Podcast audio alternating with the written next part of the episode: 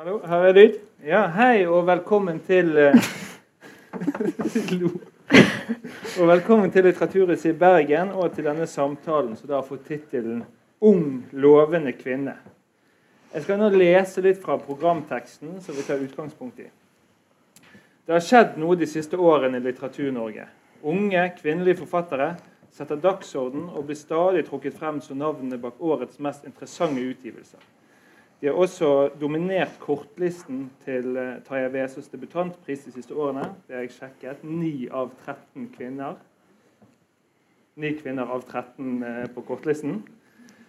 Uh, men hvordan er omtalen og mottakelsen av de unge kvinnelige forfatterne? Blir de lest annerledes enn sine mannlige kollegaer? Og skriver de annerledes? Har de noe til felles? En ny type kvinnelitteratur?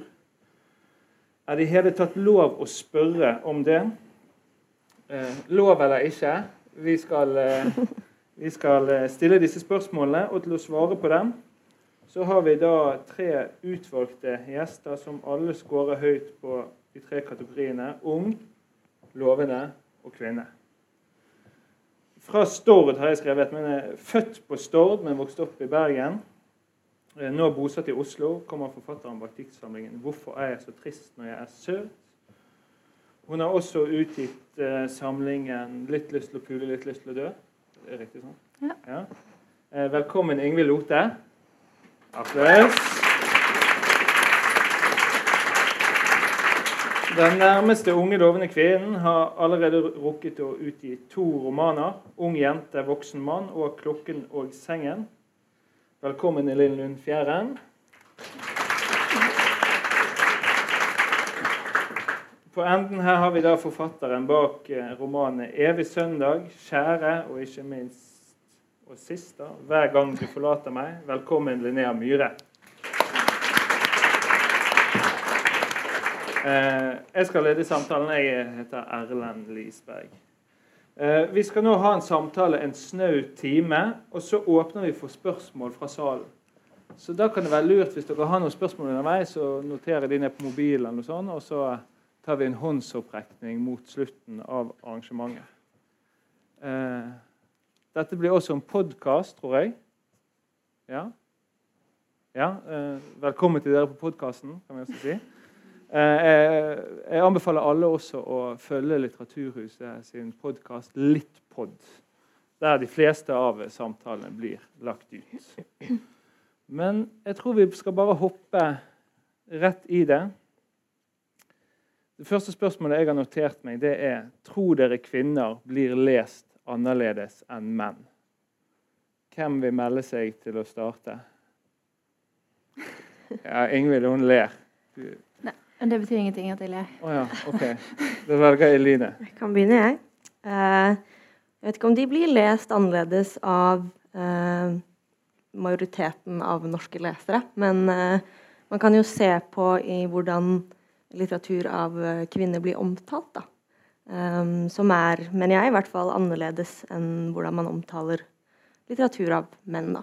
Um, og det går jo litt igjen sånn, den kritikken som jeg har sett i hvert fall ja, mange um, av oss har fått. Uh, flere som jeg kjenner av unge kvinnelige forfattere. Som går veldig på det at det er det er litteratur som er selvsentrert, som ikke klarer å se utover seg selv, og som ikke minst bare er interessant for kvinner. Uh, og jeg husker spesielt en anmeldelse jeg fikk, uh, som for så vidt var veldig positiv, men også var litt sånn OK, den her fortellingen om den unge, unge kvinnen på randen av sammenbrudd, uh, som det sto i anmeldelsen, den har vi jo hørt før. Uh, og det reagerte jeg jo selvfølgelig litt på, for det er jo Altså, har vi ikke hørt historien om den unge, angstfulle mannen en, i årrekke?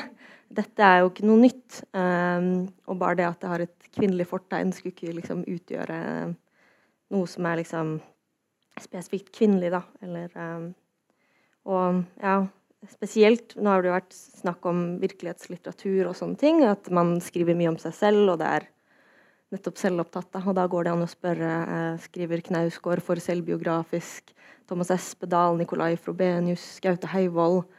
Um, altså dette er jo ikke en ny de, ting. Når de gjør det, så det jo, blir det jo liksom altså, hedra, og dette er genistrek, liksom. Og så når unge jenter er det sånn, det er ikke så interessant. Og er, altså, hvis Tilbake til spørsmålet ditt også, da, så er det jo sånn i, Og så leser jo alle forskjellig etter hvor gamle de er. Og det er ikke sånn at de lukker øynene for forfatteren og så tenker at dette kan være skrevet om hvem som helst. De leser jo det og tenker, har forfatteren i, i bakhodet hele tida. Så om det så er kvinne eller mann Man skriver jo ikke sånn at kvinner skriver på en måte nødvendigvis, og menn skriver sånn. Eh, men, men, jeg leser jo en kvinnebok som en kvinne Eller en kvinnelitteratur som kvinnelitteratur. Eller ja, misforstå meg rett. Men altså, hvis jeg vet at Elina har skrevet boka, da, så leser jo, da har jeg jo hun i tankene mine. Eh, og ikke altså en, en, voksen mann, på en måte. Så jeg, jeg ser jo eh, etter Eller jeg har, har altså hele tida altså, tenker på det. Så det er jo ikke sånn at at jeg leser alt uavhengig av forfatter, på en måte.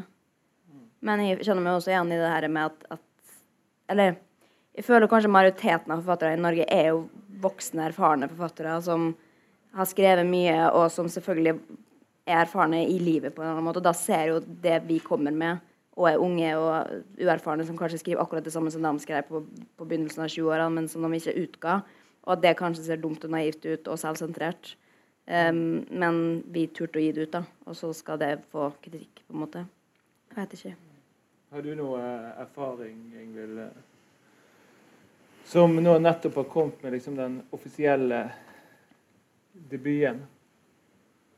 Om du blir lest som en ung kvinne? Har det vært et fokus i mm. den tidlige resepsjonen? Spesielt hvem som har lest, det. Det har ja. vært veldig delt. F.eks. kritikerne eller intervjuere, eller Altså, jeg merket det var to kritikere. Som virker litt sånn su sur og gretne. Ja, anmelderne og sånn. Har de vært eh... Altså, det har vært noen som har vært veldig positive og veldig bra. Mm. Men eh, de to som har vært litt kjipe, syns jeg, det var litt, sånn litt sure kvinner i 40-årene. Ja. Tror dere det er forskjell på eh, kvinnelige anmeldere og mannlige anmeldere? Hvordan de forholder seg til eh, Nei. unge kvinner? Nei? Eller i min erfaring så de, da har jeg fått positive anmeldelser av menn. Ja. Mye. Jeg har opplevd både og med det. Og jeg har fått noen ganske grusomme anmeldelser av voksne, veldig godt voksne menn eh, som sier at mm. dette er uinteressant og selvsentrert. Og da føler jeg at, at de har jo lest tusenvis av bøker selvfølgelig som de kan måle opp mot altså kvalitet. Men det er jo ikke han i skriftet på en eller annen måte, og da føler jeg også at det kanskje er feil å gi det til han. Eller hva jeg skal si, da. Um, og jeg tar Altså, det, jeg, har jeg, har ikke, lyst til at han skal lese boka mi. Uh, men så har jeg også uh, fått gode og, og liksom positive anmeldelser av uh, halvvoksne menn som har lest det sånn som man skal lese det på en eller annen måte. Da. At jeg føler at, at, at de aller eldste som er egentlig too good for å lese unge, lovende kvinner, som har blitt satt i en slags bås, så skal det på en måte Ja, men dette er jo ikke dette er jo ikke bra nok ennå. At dere må bli voksne før dere kan skrive ordentlige bøker. på en eller annen måte. Jeg føler litt da, at det blir en litt sånn der ovenfra og ned-holdning. Mm. Men er det noe positivt med å være ung, lovende kvinne i den litterære offentligheten? Altså, unge kvinner gjør det jo først og fremst veldig bra eh, litteraturmessig. Som du sa, at vi topper Terje Vesaas debutantprisliste. og eh, er, Man kan jo kan faktisk kanskje kalle det en ny bølge av unge kvinnelige forfattere. Eh, men det som har skjedd, er jo at det er jo ikke nødvendigvis liksom um, Jo, det er noe nytt, men det det, det egentlig er, er jo um, at unge kvinnelige forfattere har tatt den plassen som mannlige forfattere har tatt i en årrekke. Uh, og derfor så blir det sett på Det er kanskje nettopp det, da, at det er nytt. Uh, og man prøver å finne et språk for den typen litteratur som man ikke har hatt før. og ja, men, for, for, man kunne jo på en måte sett på dere som eksempler på unge kvinner som på en måte løftes frem. da, Fått ganske mye publisitet men det blir jo et eller annet ironisk oppi det, også den tittelen 'Ung lovende kvinne', som at, at du blir litt sånn derre bra for å være kvinne og bra for å være ung. Det er ikke bra, men det er bra fordi de er kvinner og ung. Og det, det syns jeg er litt sånn kjipt å skulle bli eh, være god bare fordi at du ikke er som ja, eh, fasiten eller malen, da, som er liksom eldre forfattere, forfattere som på en måte er det som vi er vant til. At det er dem som egentlig kan å skrive.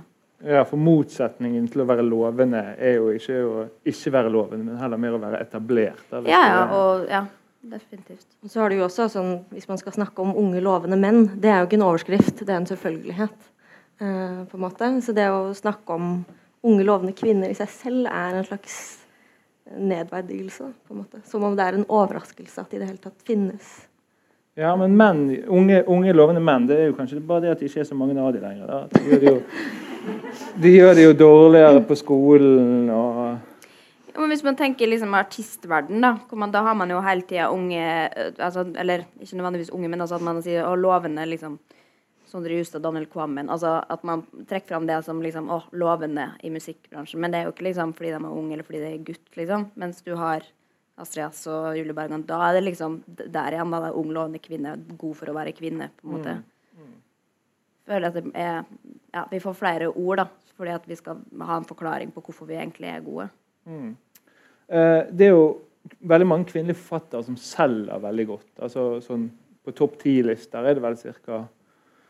halvparten kvinner fra år til år. Iallfall på de norske listene og på de internasjonale listene i Norge. Så når jeg gjorde litt research i dette, så var det veldig høy kvinneandel på bestselgerlisten, særlig for 2015. Men da var faktisk fem av bøkene av Jojo Moyes.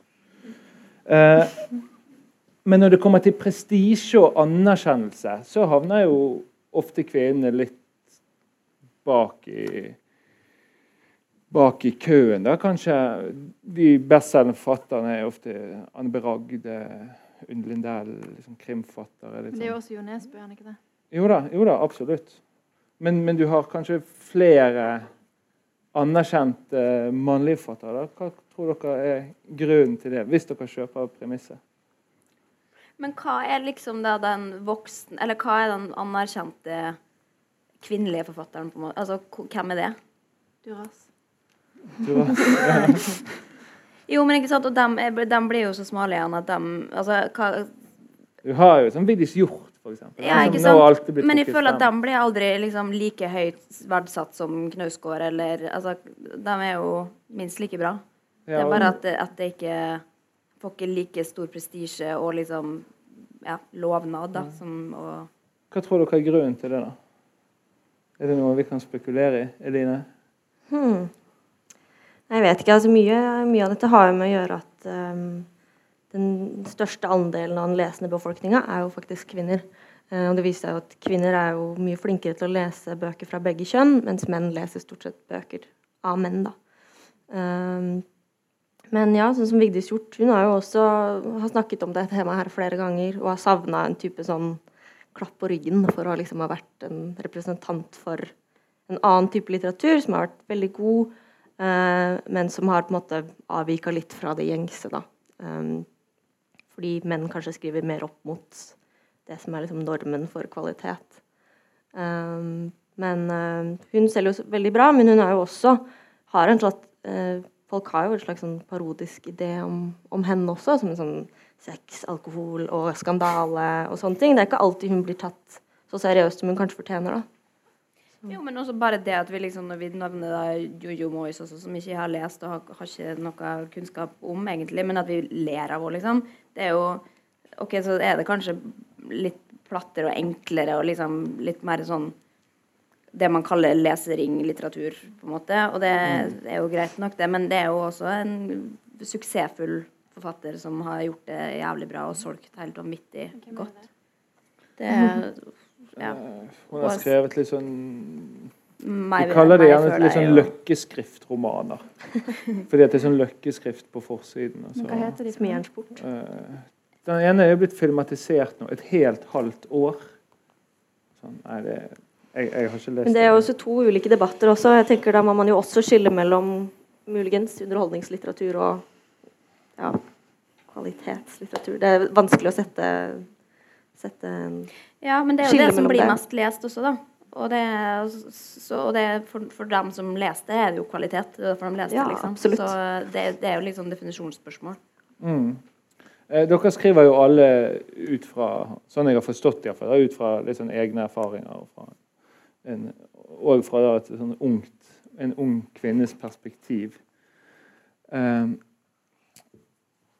og denne her virkelighetslitteraturdebatten Der var det jo også en sånn tanke om at Vigdis Hjorth fikk uh, Grunnen til at hun ble på en måte tatt av Aftenposten, av noen som hadde det inntrykket, var fordi hun var kvinne. Tror dere det Tror dere det spiller noen rolle, det skjønnet, eller er det Knausgård ble vel tatt, han også, ganske hardt. Eh, det var vel noe graving i dokumenter og mennesker og intervjuobjekter der. Så det er ikke det at han fikk slippe unna fordi han er mann, men det han, han får mye mer heder og ære for kanskje enn hun gjør. Da Da er det liksom stakkars dem som ble involvert, istedenfor ja, stakkars menn, det er jo dritbra, så da får det gå, på en måte.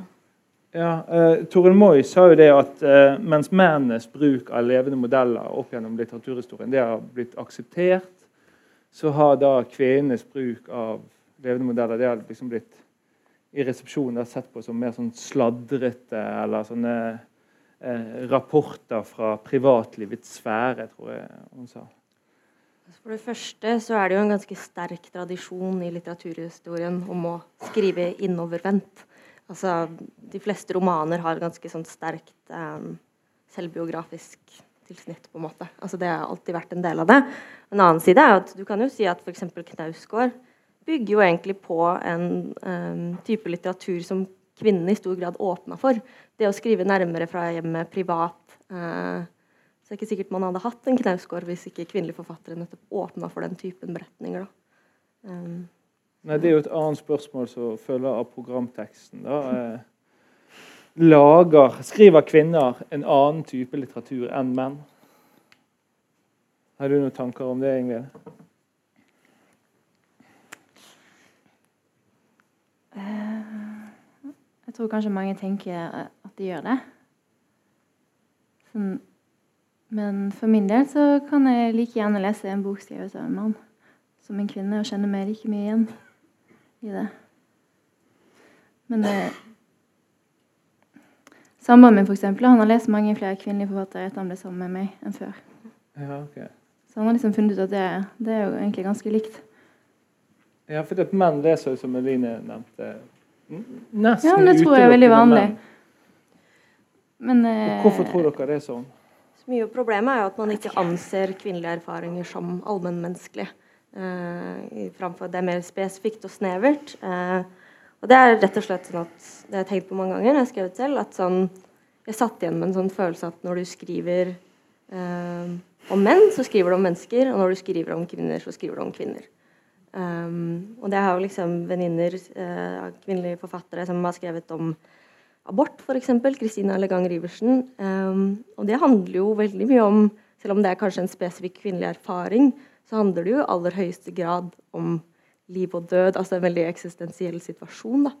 Uh, og et annet eksempel er jo uh, Kjersti Skomsvold, som ga ut en svær bok, uh, 'Monstermenneske', som definitivt var en eksistensiell allmennmenneskelig bok, men som liksom redusert til en bok om en ung kvinne med ME. og den er jo egentlig veldig mye større enn det. Så, ja. Mm. Men kunne f.eks. 'Min kamp' eh, av Knausgård, siden vi var inne på den, kunne den vært skrevet av en, en kvinne, eller er det noe, er det noe med denne mannlige store litterære ambisjonen om å, liksom, å slå igjennom og utfordre litteraturen og kunsten og Jeg vet ikke. Det å liksom skrive seks bøker om seg selv som mannlig forfatter, det er kanskje litt sånn Jeg ser på det litt på litt samme måte som at det finnes veldig mange flere mannlige komikere enn det gjør av kvinnelige komikere. Det er sånn, Uansett hvor mange som sier til dem at 'du er ikke morsom', så gir de seg aldri. Uh, og det var det jo litt med Knausgård også, hvis man leser hans historie til å bli forfatter. Han sleit jo noe voldsomt. Alle hans kollegaer uh, ble forfattere før han. Uh, han. Men han ga aldri opp, selv om han ble fortalt gang på gang at dette eh, får ikke du helt til. Men det gjorde han jo for all del. Det er en veldig god forfatter. Glad for at han ikke ga opp. Men eh, det strekker meg ikke lenger enn det, tror jeg. Men jeg tror, jeg absolutt, tror absolutt at det kunne like godt vært skrevet av en kvinne. Det, jeg gadd aldri lese ferdig. Det ble for mye for meg. Men eh, ehm, det er jo det Ja, det skildrer jo et liv som like godt en kvinne kunne ha skrevet, bare fra et annet perspektiv, kanskje. Men dere tror ikke det er noe sånn kulturelt blant liksom, unge menn? At de har en sånn annen trang til å liksom slå gjennom og trang til sånn alvor? Altså, du ser det jo på universitetet. sånn Lange, svarte frakker og skal snakke om filosofi og sånn. Du har ikke så mange kvinner som Fordi vi har så mye annet, så vi trenger ikke det. Nei, det, det, ja, det tror jeg kan stemme. Det er jo fristende å si at det er en slags mangel på selvinnsikt. Nå tror jeg jeg mista lyd. Eh, Men eh, ja. Ja, for jeg lurer på, eh, Kan det være noe med at, at menn har en mer sånn kritisk holdning til hverandre, og, og at damer er, er litt mer sånn fremsnakkende og, og bruker mer det her emoticonene med sånne hjerter? Jeg tror det er en kjempebiologisk ting sånn. som ligger veldig dypt. Det er det at eh, kvinner er de som føder barn, og menn har ingen funksjon i verden. Sånn i det store bildet så har de et enormt behov for å hevde seg Ja, og ja, tryk, trykke ned, for de vet at de er ikke det viktigste. skjønner. Og kvinner er aldri til for det. De er sånn Ja, OK, du kan si det til meg, men det går fint. jeg tror det. ja. Ja, men jeg, noe annet jeg kunne tenke meg å si om den her innadvendtheten, da, sånn fra unge kvinner. Eh, hvor man snakker om spiseforstyrrelser og om abort og om eh, ja, kropp, sånne ting. Det har det også vært en kritikk. Unge jenter skriver veldig mye om kropp. Så tenker jeg sånn Ja, men hva er det vi blir bedt om å interessere oss for? Altså sånn, Hva er det som blir prenta inn i våre hoder hele tiden? At Vi blir jo hele tiden distrahert med ting som vi burde bry oss om framfor politikk, framfor liksom, menneskerettigheter, hva som helst. Ehm, så man skriver jo om det man veit, og dette er liksom Det er der vi sitter litt fast, da, dessverre. Uansett hvor liksom, intelligent og um, observant man er, så er det veldig vanskelig å komme seg ut av den der selvbevisstheten som hele tiden blir pålagt en. Mm. Og som jeg tror absolutt speiler seg i litteraturen også. Uh, og det tror jeg var Virginia Woolf som sa noe om det allerede på sin tid. Uh, at så lenge kvinneundertrykkinga er vedvarende, så blir kvinnekunsten hva var det hun sa for noe, en avfallsplass for private følelser. Eh, så så lenge det er sånn, så eh, Ja, vil men også, men vil også gjenspeile seg i Men ser du da at det er en grunn til at denne her kvinne, Ja. erfaringsbaserte kvinnelitteraturen blir nedvurdert? At det på en måte kan, Ja, at man at det kan forsvares, ikke den nedvurderingen? Nei, jeg syns ikke den kan forsvares, for det er også sånn når man får kritikk for at man ikke er polit, skriver politisk, f.eks. Dette er jo nettopp politikk. Altså, hvor er det vi står, hva er det vi bryr oss om, hva er det vi blir tvunget til å bry oss om? Uh, det er jo nettopp en kritikk av samfunnet. Mm. Så Men altså, tilbake til det der med hvem som leser det, og, og liksom det her, da. Um, og jeg også skriver jo hovedsakelig om kropp og spiseforstyrrelser, og, og det er jo en slags kvinnelidelse også, stort sett. Uh, og jeg skulle jo selvfølgelig ønske at flere gutter leste det også av, at, for, av en viss forståelse, og også fordi at det finnes flere og flere gutter som, som har spiseforstyrrelser også. Um, men jeg retter meg jo også mot unge kvinner. Det er jo dem som har vært mine følgere i alle år, og det er jo dem jeg har lyst til at skal lese det på en eller annen måte. Så jeg har ikke liksom en mann i bakhodet når jeg skriver. Uh, og det har jeg liksom vært helt innforstått med, men jeg vet jo også at det er mange gutter som leser. Men når jeg holder bokbad, så er det jo 99 jenter der. Eh, og det Nå er ikke det representativt med tanke på at det er flere her, men, eh, og dette er et litt annet og større tema. Men det er jo dem som er interessert i de temaene jeg skriver om. Og jeg har ikke noe mål om å plutselig skrive om politikk eller eh, et eller annet mye større, liksom. Jeg har lyst til å skrive om det jeg er mest opptatt av, i hvert fall her og nå. Eh, og så eh, for dem som har lyst til å følge med, rett og slett. Men hva, hva tror du er grunnen til det, Ingvild? At kvinner av og til holder seg på en måte til det mer personlige og det, det lille, omtales det jo av og til sånn. Jeg syns jo ikke det er så veldig lite, da. Så. Nei, nei, nei. Og det gjør jo menn også. Det er litt sånn her, Hvorfor skal vi lese 100 sider om Knausgård sin som han uttaler som sin mannlige skam, eh, med det fortegnet også?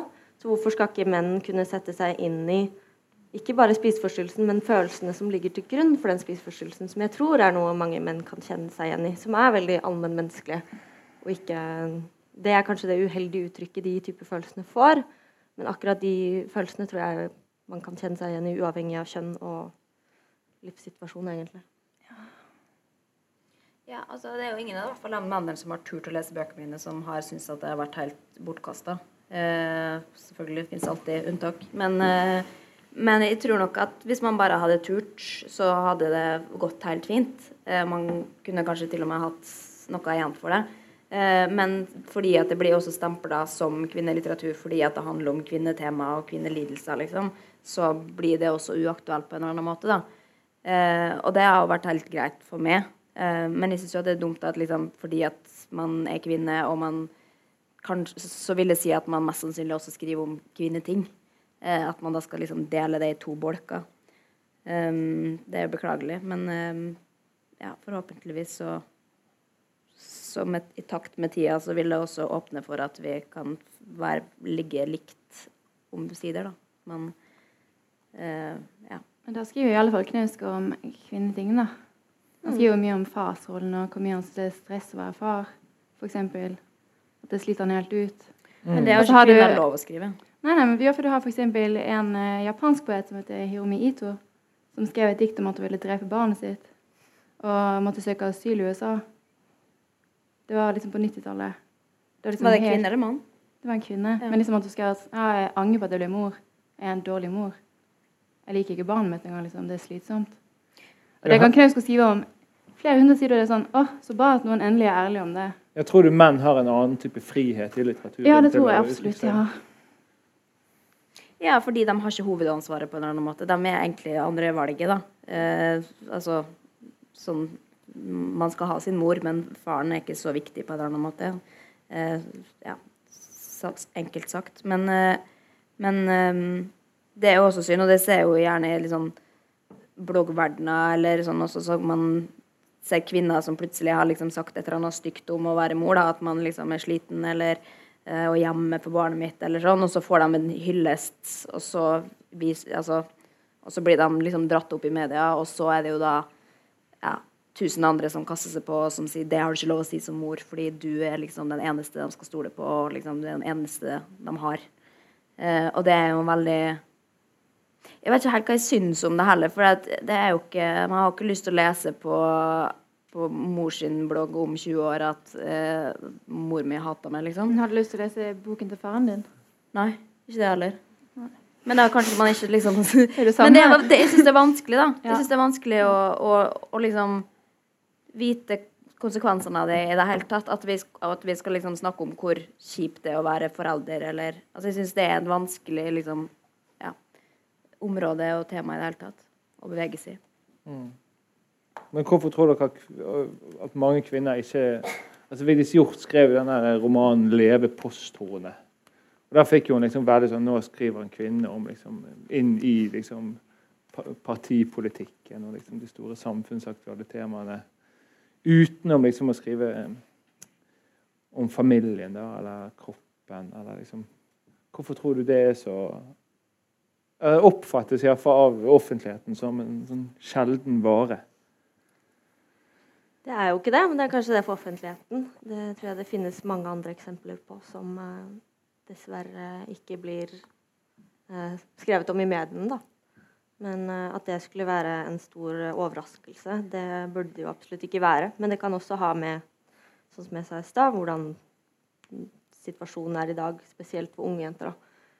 Det er kanskje mindre overraskende når det er eldre kvinner, men eh. Det, uansett så burde det jo ikke komme som noen overraskelse. Og det finnes også eksempler på unge kvinnelige forfattere som skriver om eh, vet ikke, situasjonen i Europa og liksom Ja. Det var jo den romanen 'Europa' hun der ja.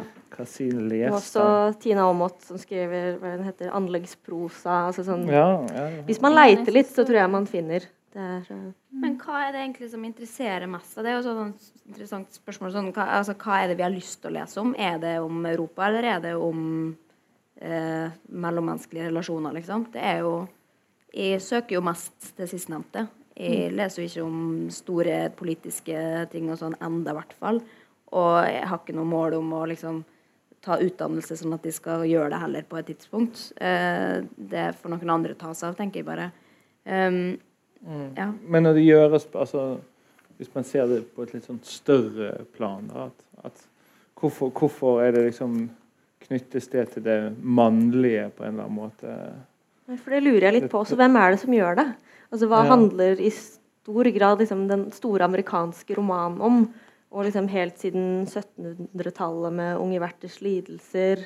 Eh, og han hadde bare kjærlighetssorg, liksom. Altså sånn Ja, den universelle kjærlighetssorgen Ja, til? Ja. Eh, så dette er jo et gjengangstema som jeg syns er veldig spesielt at kritikerne lanserer som en ny ting. da. Mm. Eh, og det som kanskje er nytt, er at forfattere er mer åpne i mediene om at dette er meg, eller f.eks. med Knausgård, da. Som for, for øvrig Thomas Espedal gjorde i flere år før han, uh, før han kom på banen. Men jeg vet ikke om det er liksom kritikernes, kritikernes en sånn perverse lyst til å bare definere samtidslitteraturen før det i det hele tatt er mulig å gjøre det. Um, men eh, nei, jeg syns det er litt mystisk og rart å forholde seg til. Mm. Den debatten som vi har, altså det vi snakker om nå, blir jo tatt opp igjen og igjen. Sånn Mm. som du er inne på. Da. For noen, det lanseres som noe nytt. Nå er dere da den unge, nye generasjonen. Eh, men tror du vi er på vei noe sted? Er det en utvikling? Altså, var, det, var det verre før? Nei, det vet jeg Dette ikke. her kvinne, Men eh, kvinnelitteraturfokuset. det tror jeg jo ikke det er. Absolutt ikke. Eh, jeg vil jo si at Jeg tror det er enklere å gi Ja. ut en litt sånn kontroversiell eh, selvbiografisk roman nå enn det var for eh, 100 år siden. lettere å få oppmerksomhet, vilkårene for unge kvinnelige Du, ja, forfattere er generelt lov, bedre. du blir ikke steina, liksom. Eh, det er jo framgang i seg sjøl. Men det er jo både menn og kvinner som tar opp som tar opp dette. Altså, det var jo en debatt om Kulturmannen i fjor, var det? Eller ja, i fjor? Forfjor? Eh, sånn som må jo være da deres fiende, har jeg tenkt. Altså dørvokteren til kulturverden og kulturfeltet som bare vil ikke anerkjenne dere, men er opptatt av deres beundring og og underkastelse. Kjenner dere, kjenner dere Kulturmannen? Vi Kjenner Kulturmannen. Men jeg er ikke Jeg er ikke så veldig opptatt av dem, og jeg er ikke så veldig redd for dem heller. Fordi at jeg er ikke interessert i anerkjennelsen. Altså, det er hyggelig å få et nikk, på en måte, men det er jo ikke, jeg er jo ikke konkurrenten. Og de skal jo dø før meg uansett, så jeg har mulighet til å skrive lenge etter de har dødd. Så det og vi blir jo gamle en gang, vi også, og da vil jo vi føle oss bedre enn dem som er 20 år yngre og gir ut bøker som ligner på dem vi kanskje skrev i starten av våre 20 år.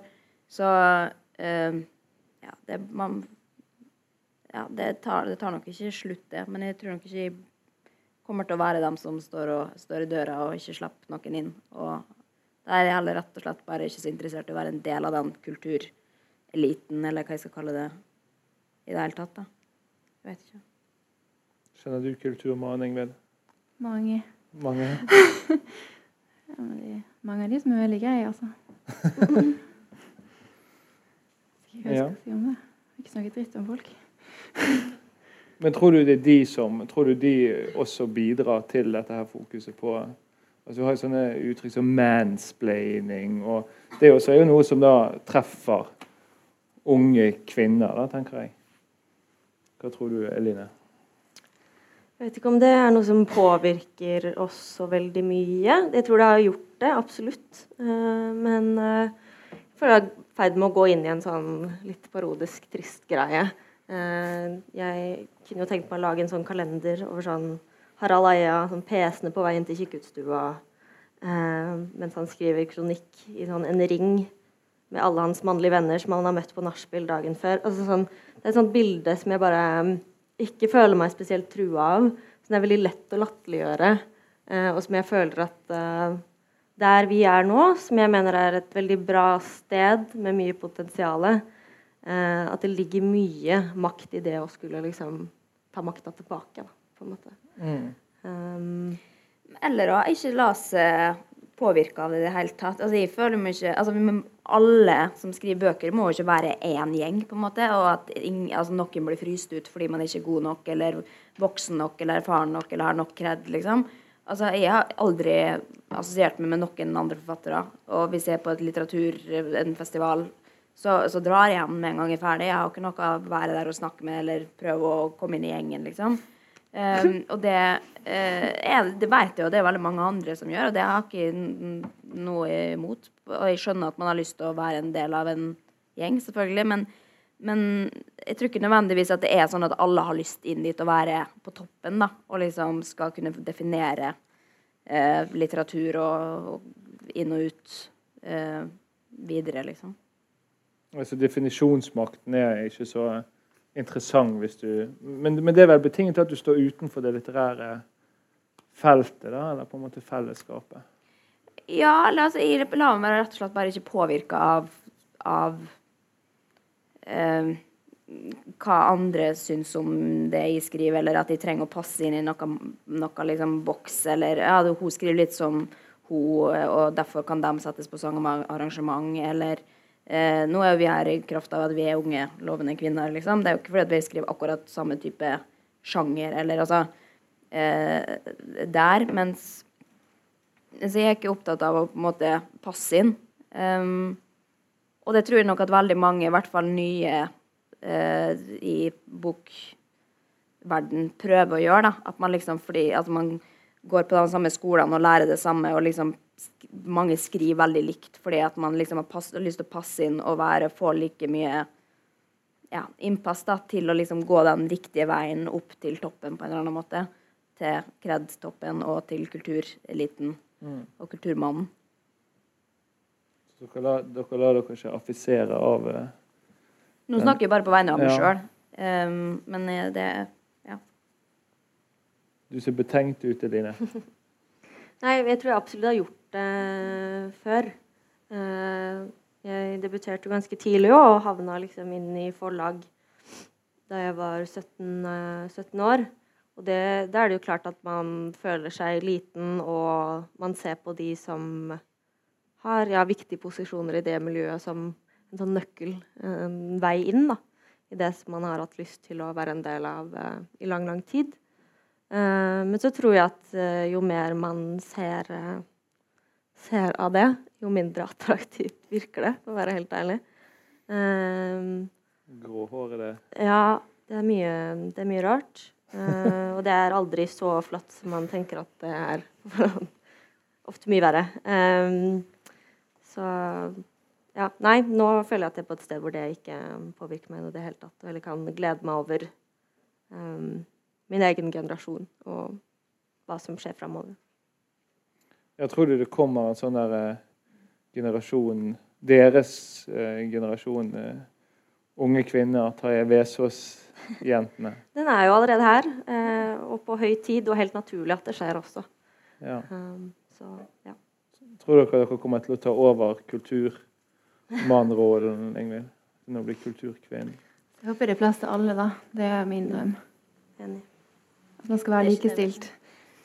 Om man er 25 år og kvinne eller om man er 60 år gammel mann, så kan man være venner uten at noen vil ligge med noen. Det er optimalt, tenker jeg. Ja. Det er akkurat det er en stor ja. del av det også. det, tror jeg, det tror jeg skjer mer og mer. Ja, for kvinner dominerer jo på mange måter litteraturfeltet i forlag, og veldig mange kvinnelige kritikere. og mange kvinnelige redaktører, ikke minst. Ja, veldig, ja, i forlagsbransjen veldig mye. Ikke så mange helt på toppen. Mm. Der er det vel nesten bare menn, tror jeg. Ja, eh, Det er også i ferd med å skiftes ut, tror jeg. Ja. Kan jeg vet jeg mest om mitt eget forlag, men da har vi jo en kvinnelig forlagssjef ja. nå fra i fjor, tror jeg. Og flertallet der av ansatte er kvinner. Tror jeg bare to mannlige ansatte.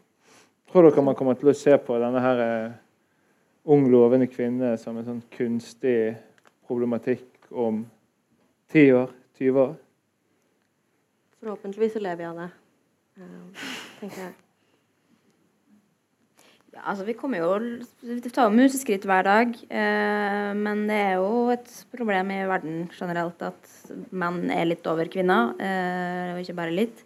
Eh, så vi har nok et langt stykke igjen. Men hvis vi i hvert fall står i det og kjemper for det, så, så tør nok flere å, hoppe etter. Da, vi ser jo det også det skal veldig lite til for ei ung kvinne å gi ut bok nå. Hvis du bare har blogga i to år og hatt en OK leseskare, så er det veldig lav terskel for å gi ut bok. Og det er jo mye som er positivt med det, og også eh, Men samtidig litt negativt når det på en måte ikke er så mye litterært igjen. Det er det mest bilder og eh, utdrag, på en måte. Um, så ja. Men det, det er i hvert fall Det blir flere kvinner inn på forlaget da, og det er jo eller unge kvinner inn på forlagene. Det er jo Man kan se det positivt isolert, sånn sett. Dere som forbilder, da, er de er det sånn litterære forbilder? da? Er det menn, eller er det kvinner? Ingvild? For min del er det Jeg tror det er 50-50. Du er så diplomatisk. Du Veldig bare, diplomatisk. Bare, bare at alle skal være glade. Men det, ja, det er en fin holdning, det. Tusen takk. Jeg tror nok at mine favorittforfattere er sånn tre favorittforfattere er menn. Men det er rett og slett fordi jeg også har lest mest menn. Fordi jeg hadde en litt eh, manipulativ eh, forfatterkjæreste date en gang som lærte meg at det var kun menn som kunne skrive. Så jeg trodde på det ganske lenge. Kulturmann. Eh, ja, ung kulturmann som, som hadde lært det av en annen kulturmann, sikkert. Eh, og sa også at liksom, det var ingen, ingen norske forfattere som var gode, bortsett fra Knausgård. Eh, og det gjorde at jeg ikke leste norsk på veldig veldig mange år. Så jeg begynte ikke med det for, liksom, for fire år siden, kanskje. Um, så, der, så lett kan man bli påvirka, rett og slett. Um, men så det har gjort at jeg har lest mest menn og fått veldig sånn opphengt i noen uh, ulike man, mannlige forfattere. Men det er jo ufattelig mange gode eh, kvinnelige også som er eh, som like godt kunne vært ligget på toppen for min del hvis jeg bare hadde begynt litt tidligere. Er du enig? Du nikker, Eline? Ja. Ja, absolutt. Jeg tror jeg også begynte å lese um, litteratur av menn. Uh, for det var det jeg visste om. Det var det man leste om og hørte om. Uh, også jo mer interessert jeg ble, jo mer ja, fant jeg fram til, til uh, andre forfattere. Så nå tror jeg nesten leser et flertall av kvinnelige forfattere, og det er ikke bevisst heller. Men, du, du, du, har en sånn lesesirkel. Jeg har sett på Instagram. ja. Bergen Book Club Babes. ja, det er et veldig pinlig navn eh, som vi tok fra svenske, svenske jenter som har den samme bloggen. Um, noen forfattere, unge forfattere i, i Sverige. Så da starta vi det, uh, og vi leser bare kvinnelige forfattere uh, som vi diskuterer ja, hver måned. Så det er veldig kjekt. Uh, også en måte å sørge for at man leser kvinner, er ja, oppmerksom på hva som gis ut, og ja, finner en måte å snakke om det på. Så det er veldig kjekt. Nå har vi bare hatt det én gang så langt, da, men. Ja, men hyppig dokumentert på Instagram. ja, det må til. Jeg lurer på om vi skal åpne for litt sånn spørsmål fra, fra salen, jeg. Hvis det er noen.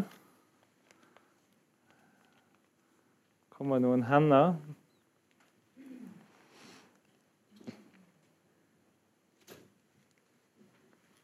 Ja Kanskje hvis jeg stiller eh, ett spørsmål til. Ja. Der er det et spørsmål. Ja, men du må ta med mikrofonen, eller du må ta mikrofonen, for vi er på podkast. Okay, jeg jeg, jeg syns noen av spørsmålene har vært litt sånn fokusert på at eh, Hvordan skal menn like dette pga. dette er bare et kvinneproblem? Jeg syns det virket litt condescending. Ja, nedlatende. Ja, det er jo også Eller hva mener du? Eh, kanskje du kan si det en gang til?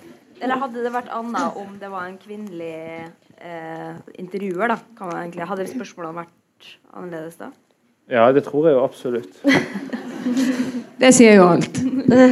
Ja, ja, jeg gjør det. Ja, men jeg, jeg, prøver jo å ha litt sånn jeg, jeg, jeg, oppfatter det som veldig som at du er åpen, og at du ikke stiller dømmende spørsmål. Jeg skjønner at du stiller dem på vegne av Ja, ja for det er jo liksom Er det lov å spørre om det? Det er jo spørsmålet. Og det er det jo altså i programteksten. Og det er det jo det er jo kanskje problematisk å stille disse spørsmålene. Det er lov å spørre om andre ting også, tenker jeg. Men uh, jeg syns det er viktig, for det er jo nettopp de her spørsmålene som ligger latent i anmeldelser og omtale av uh, den typen litteraturen. da. Så å bli konfrontert med det og få mulighet til å svare på det Ja, for det er det jeg lurer på. liksom, Mm. hvordan...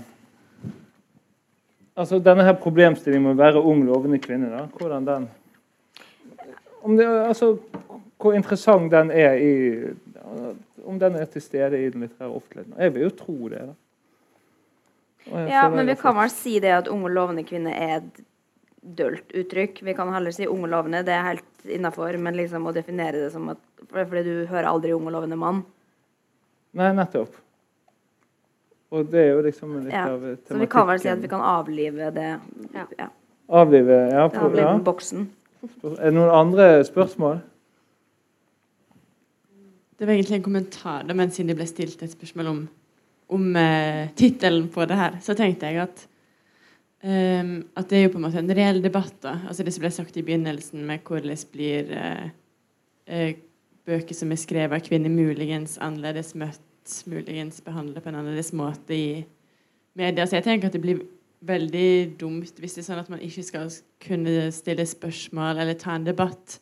Jeg tenker det er veldig viktig, og spesielt med tanke på at man håper at det er flere um, Selv om det ble gjort litt narr av uttrykket 'unge kvinner', som har lyst til å på en måte hoppe inn i litteraturverdenen og satse på sin egen skriving, så tenker jeg at det er en veldig viktig debatt. Og på en måte uh, Og det med at ikke generelt i litteratur, men kanskje i politikk f.eks., så får jo kvinner mer hets ofte for det de gjør, og det de står for. Så jeg tenker at det må være Man må ha sånne debatter, da. Mm, ja, og det, og det er jo ikke bare Men det er trist at det skal være en debatt, tenker jeg da. ja, det er det jo åpenbart. Sånn, eh, OK Når jeg gikk i Bø nå, for ja, 14-15 var det, så var det jo Vi var tolv i klassen, og det var tre gutter og ni jenter. Og da hadde de kvotert inn én gutt. Og sånn er det på Akademiet i Bergen, og det er sånn i Bø. Hvert år. Nå har det vært i mange år. Og da viser det jo at og da søker jo like mange menn som kvinner på de studiene der. Mm. Men likevel så er det jo et høyere nivå på kvinnene. Og da tenker jeg, hvorfor skal man likevel diskutere om man er god hvis man er kvinne? Det er dritprovoserende for meg. Mm. Ja, ja. Fordi det viser jo bare at ja, det er faktisk flere jenter som er flinke. ja, ja. Det, det jeg, bare håper Men vi må likevel bevise mer. Ja, eh, veldig mye. Og jeg bare, jeg bare håper at Selvfølgelig er det viktig å snakke om, men jeg skulle ønske at det ikke var viktig. Ja, absolutt. Og, men tror dere at det kommer til å vri seg? Det må jo Om det på et 20 år? Altså mannens posisjon at den nå Det er jo mannen som må gi seg, tenker jeg. Ja, men at han, han det, Altså at de unge guttene som er i Men de finnes også. Ja, men at det blir færre. Men det blir jo stille spørsmål. Jeg Tror du kvinner kommer til å ta over verden, da? Egentlig. Blir det ja, for ja, ja den, den, den litterære offentligheten i Norge, iallfall. Det har vært veldig spennende å ha hatt sånn eksperiment i 100 år. Da bare kvinner styrte verden og alt. Bare sett hvordan det ble. Jeg tror det har blitt veldig bra. Jeg tror det. Som et eksperiment. Ja, absolutt. Nei, men at kvinner er i ferd med å ta over den litterære offentligheten. Jeg vet ikke. altså Til en viss grad jo, men ikke uten friksjon, da. Det er jo det Nei. som er eh, Og det er jo greit nok, men eh, det spørs jo liksom hva man fokuserer på, da. Det er kanskje det som er liksom det mest provoserende med å snakke om selvbiografisk litteratur og unge kvinner. Som om det er den mest interessante måten å diskutere litteraturen på.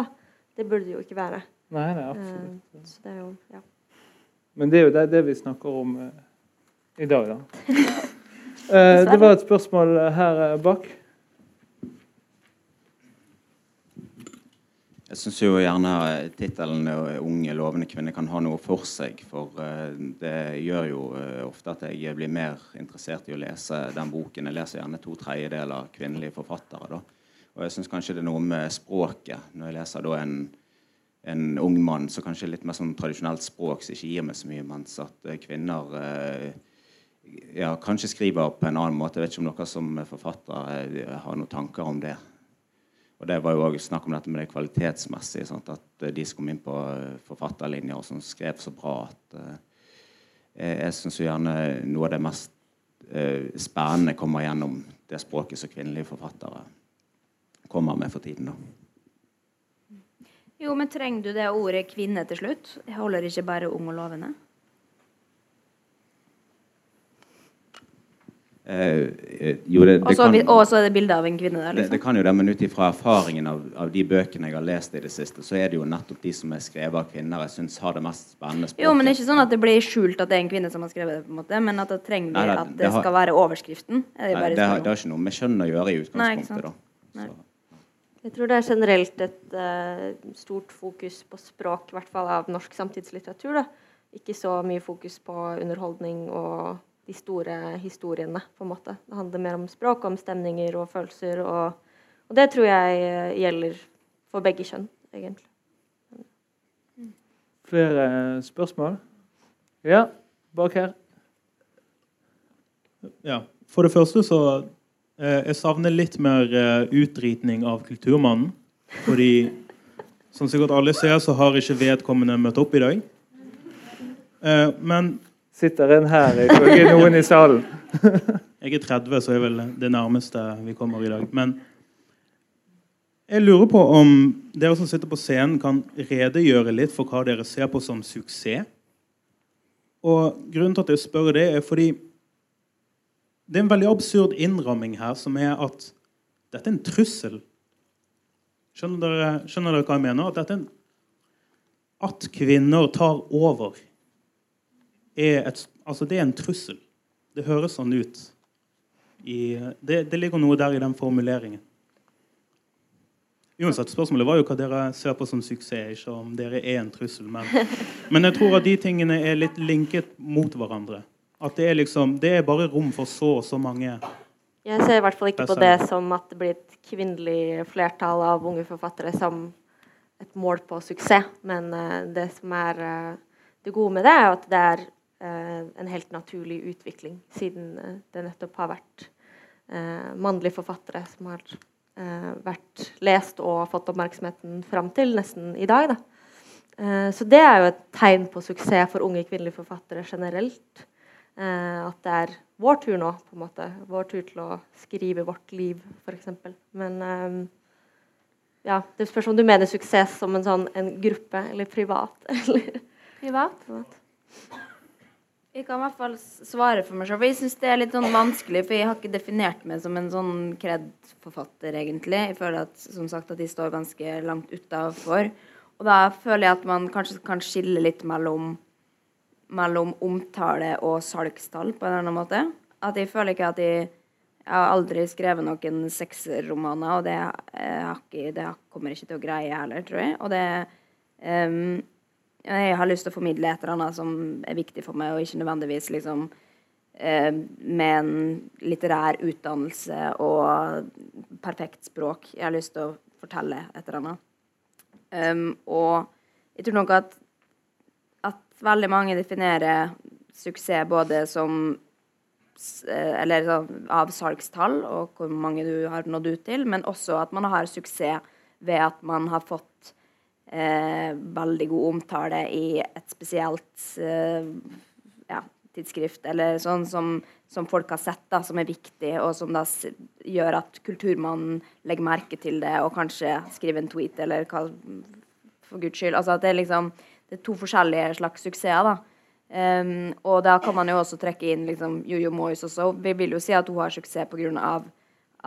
Hun har solgt vanvittig mye bøker, men så vil veldig mange se ned på Nei, hun er ikke suksessfull fordi hun har ikke kreden du trenger for å ha suksess. Så egentlig suksess, hvis man for å komme på toppen, da, så bør, bør du jo ha begge deler. Da bør du være Knausgård, du bør ha solgt en milliard bøker, pluss at du har fått terningkast seks eh, av samtlige. Så jeg tror det er veldig sånn opp til hver enkelt, og hva man egentlig syns er viktig også, da. Jeg vet ikke. Jeg vil heller ha god kritikk enn eh, mange lesere, tror jeg. Så skal jeg velge.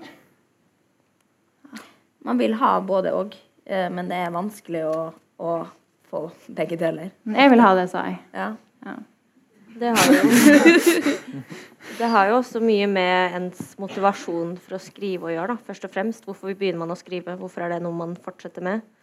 Ja, og har man ikke lyst til å nå ut, liksom. Hvis du har laga noe du syns er helt fantastisk, og du ser at alle avisene skriver om og sier at dette er, dette er helt fantastisk, så vil du jo at hele verden skal lese det. Det er ikke sånn å ja, men bare fordi at vedkommende sa det, så betyr ikke det. Altså, du har jo lyst til at noen som det du har sittet og jobbet med, faktisk blir lagt merke til, eller skaper en debatt, eller gud vet hva. Men jeg vil jo at de som leser det, skal forstå det de leser. Ja, ja, selvfølgelig. Men det går jo an, sjøl om det har fått uh, gode kritikker og ja, kanskje. ja. Flere spørsmål? Ja. Ja, det er egentlig bare et innspill. Ehm, og det er, hvis man ser på liksom hva man uh, hva vi blir oppfordret til å lese, da, og hva som på en måte er pensum på litteraturvitenskap, eller på videregående, så er det jo tre kvinner og 1000 menn.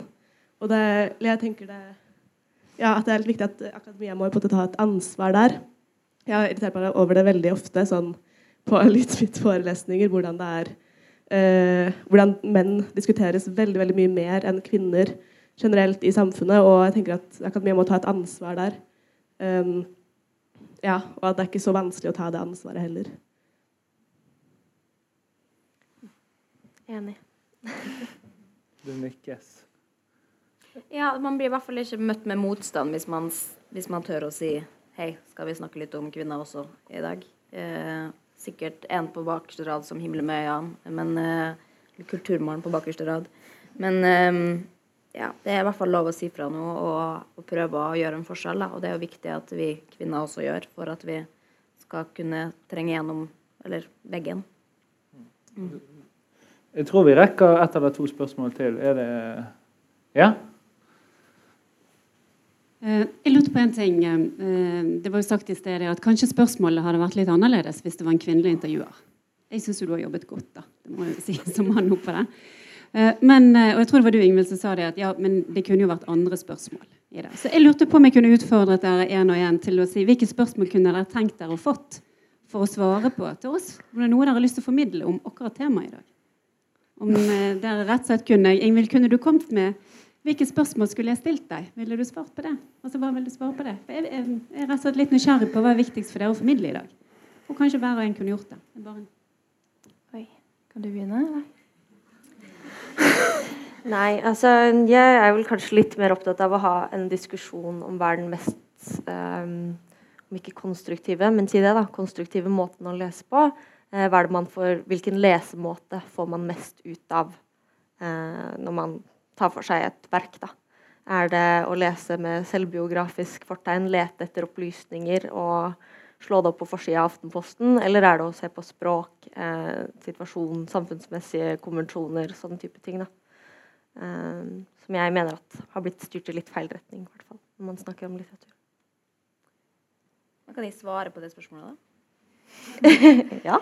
Jo, men for der tenker jeg også at, at alle er veldig forskjellige igjen. da. Noen leser jo bare for å finne ut oh, er dette ekte, er, dette, er det sant, er det ikke sant. Mens noen er opptatt av språket. Jeg har vært i begge faser, liksom. Hvor jeg har bare liksom sett etter eh, hint og retninger fra virkeligheten, liksom. Og så har jeg blitt mer opptatt av litteraturen og kunstspråk, og da er nesten historien veldig lite viktig. Og kanskje liksom mindre eller eh, offentlige forfattere igjen som ikke har noe liksom, interesse av privatlivet til. At de tenker mer på språk og den slags type ting. Da. At man kan være at jeg, jeg tror ikke det er noe rett og galt der heller. At man må få lov å kunne lese det. Det er der litt den forskjellen her. For jeg tenker sånn, Det er greit på et uh, personlig nivå. altså Vi er jo som mennesker nysgjerrig på andre menneskers liv, og det er helt naturlig, det. Men man må jo ha, tenker jeg i hvert fall, noen andre krav til kritikerne. Altså Mm. de som Ja, ja, det diskuterer er- litteratur på et profesjonelt Jeg er ikke tilhenger av at det skal opp på forsida av Aftenposten og eh, spekulere i det. Men sånn på privaten så syns Ja. jeg at vi skal få lov å Det er sladre. Ja. Altså, det er interessant å snakke mer om eh, den skandinaviske samtiden som en ting utenfor den norske. da. Ja, som eh, Og som en kritiker. Og jeg føler at vi henger litt etter i Norge. Gjør vi vel i- innen alt omtrent. Ja. Men også når vi snakket om kritikere og anmeldere og måten man blir lest på. ja, for, Så- Tenker du at det er for annerledes i, ellers i Jeg tenker, jeg tenker at uh, De beste anmeldelsene jeg har fått, har vært svenske og danske anmeldelser. For de har ikke fokusert på det samme. Mm. Men den problematikken vi snakker om nå, den, Ja, den det- startet jo på en måte i, i ja, Den startet i Danmark ja, den startet i Danmark. for to år siden. da. Mm. Så det henger vel to år etter da. regner jeg med. Men eh, der har du jo også en helt annen Det er liksom funnet ut av det der. tenker jeg. Ja, de er jo før oss, men de er jo også en veldig annen litterær situasjon, tenker jeg. Sånn som i Danmark, hvor du har et veldig tett miljø eh, rundt forfatterskolen og ja, Mm. et, en ganske stor andel unge forfattere som eh, skriver veldig sånn i Skulle nesten tro sånn i kontakt med hverandre, på en måte. Altså de jobber er tett sammen. Jeg vet ikke. Det er litt sånn derre Ja, for kritikken kom jo opprinnelig fra Mona Høeg. Ja. Jeg er overhodet ikke enig Som da er en men, eh, kvinne som da eh, skrev eh, i Vikenavisen eller noe sånt at eh, dansk litteratur ble dominert av, av to, to av eh, unge, kvinn, unge kvinnelige forfattere. Overdominert av unge kvinnelige forfattere. også. og da de to tilhørende perspektivene. Så siterer jeg et utadvendt, vrangt insisterende skjønns- og kroppsfokus og en innadvendt navlepillende og pikete selvopptatthet. Men altså, det å trakk fram mye, det var jo f.eks. Olga Ravn. Har du lest bøkene til Olga Ravn? Nei. Nei. Ikke vits å snakke om. det. Men det, det var ikke mitt sitat, altså. Nei, nei, jeg vet det veldig godt, men det er liksom, det er bare, alt med det er jo helt feil. Altså, les bøkene til Olga De er oversatt til norsk på Samlaget, faktisk. Mm. To av de.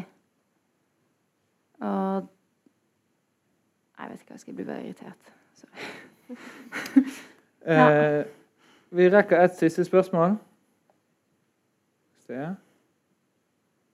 Nei, men da tror jeg vi sier eh, eh, takk til eh, alle dere som kom. Takk til Linnea Myhre, Ingvild Lote og Eline Lund Fjæren. Eh, bøkene til disse forfatterne selges bak i lokalet. Og eh, hvis dere huker tak i en av de tre, så er de villige til å signere gratis ved bokkjøp. Takk for oss.